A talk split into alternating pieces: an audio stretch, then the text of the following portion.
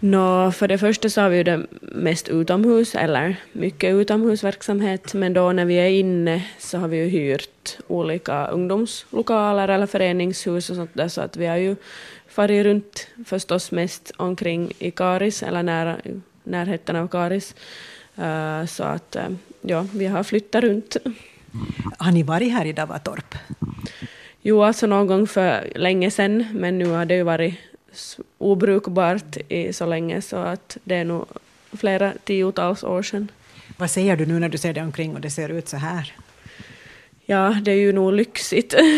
Eller det här är en stor möjlighet och nu har vi ju alltid en fast punkt som man kan ty sig till och komma hit och både vara ute och inomhus. Mm. Så ni kommer verkligen att använda Davatorp nu, från och med nu? Ja, alltså det är ju nog jätte, jättestor tillägg eller en resurs och också att samarbeta och komma hit, vara flera kårer till lika. Att, att det är ju därför roligt att man kan samlas här. Ni, och ni från Karisflickorna, alltså, så ni har dessutom nyligen fyllt hundra år. Man tror att eh, Karisflickorna grundades 13 april 1918. Eh, hur firar ni det? Ja, no, vi har ju firat vårt hundraårsjubileum hela året i år och vi börjar uh, på våren redan, eller planeringen har ju försiggått redan i många, många år. Uh, och, uh, men ja, vi börjar ju på våren och vi har haft uh, program i patrullerna under veckoverksamheten och lyft fram vår historia. Och sen hade vi då på vårt kalas då som var 13 fjärde som gick mer i så här vårt kalas. Uh, inomhus nog dock, men uh, så där firar vi då med kaffe och kaka och program och och sång och uppträdanden och, och sånt. Så att, och sen har vi haft vårt läger i somras uh, som vi hade tillsammans med vår broderkår Karisgossarna. Så vi hade en veckas läger i Svarto. Och uh, nu i september så har vi ännu varit med ledarna på en sån här ledarvandring till nationalparken Repovesi.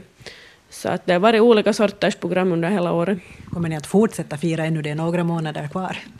Nej, inte egentligen. Det har nog avrundats nu här på hösten förstås. Men att vi har gjort en jättegedigen historik så att uh, den så lever ju nu förstås vidare.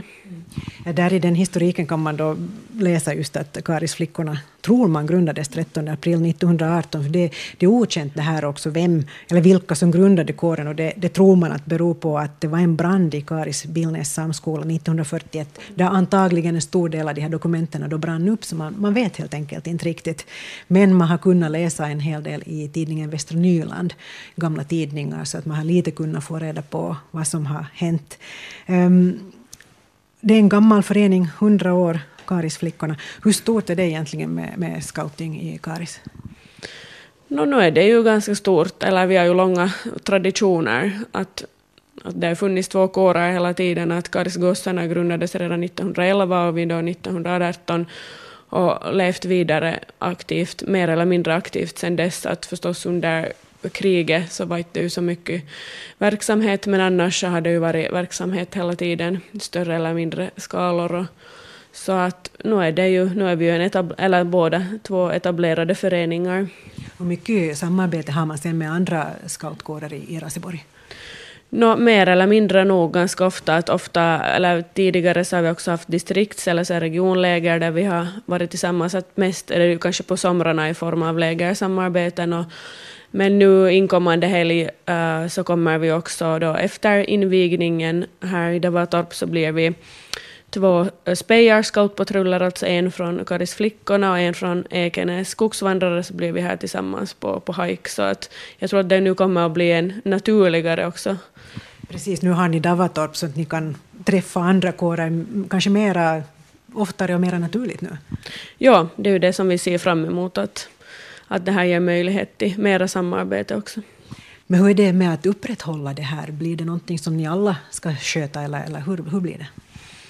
No, nu kan vi ju alla bidra på något vis i alla fall. Förstås när man kommer hit så, så underhållet så måste man ju städa efter sig och lämna det. Scouterna brukar ofta ha sådana motto att, att man ska lämna det i bättre skick än när man kommer eller att det inte ska synas att man har varit där så man plockar förstås allt, allt med sig som man har hämtat hit och, och städar efter sig.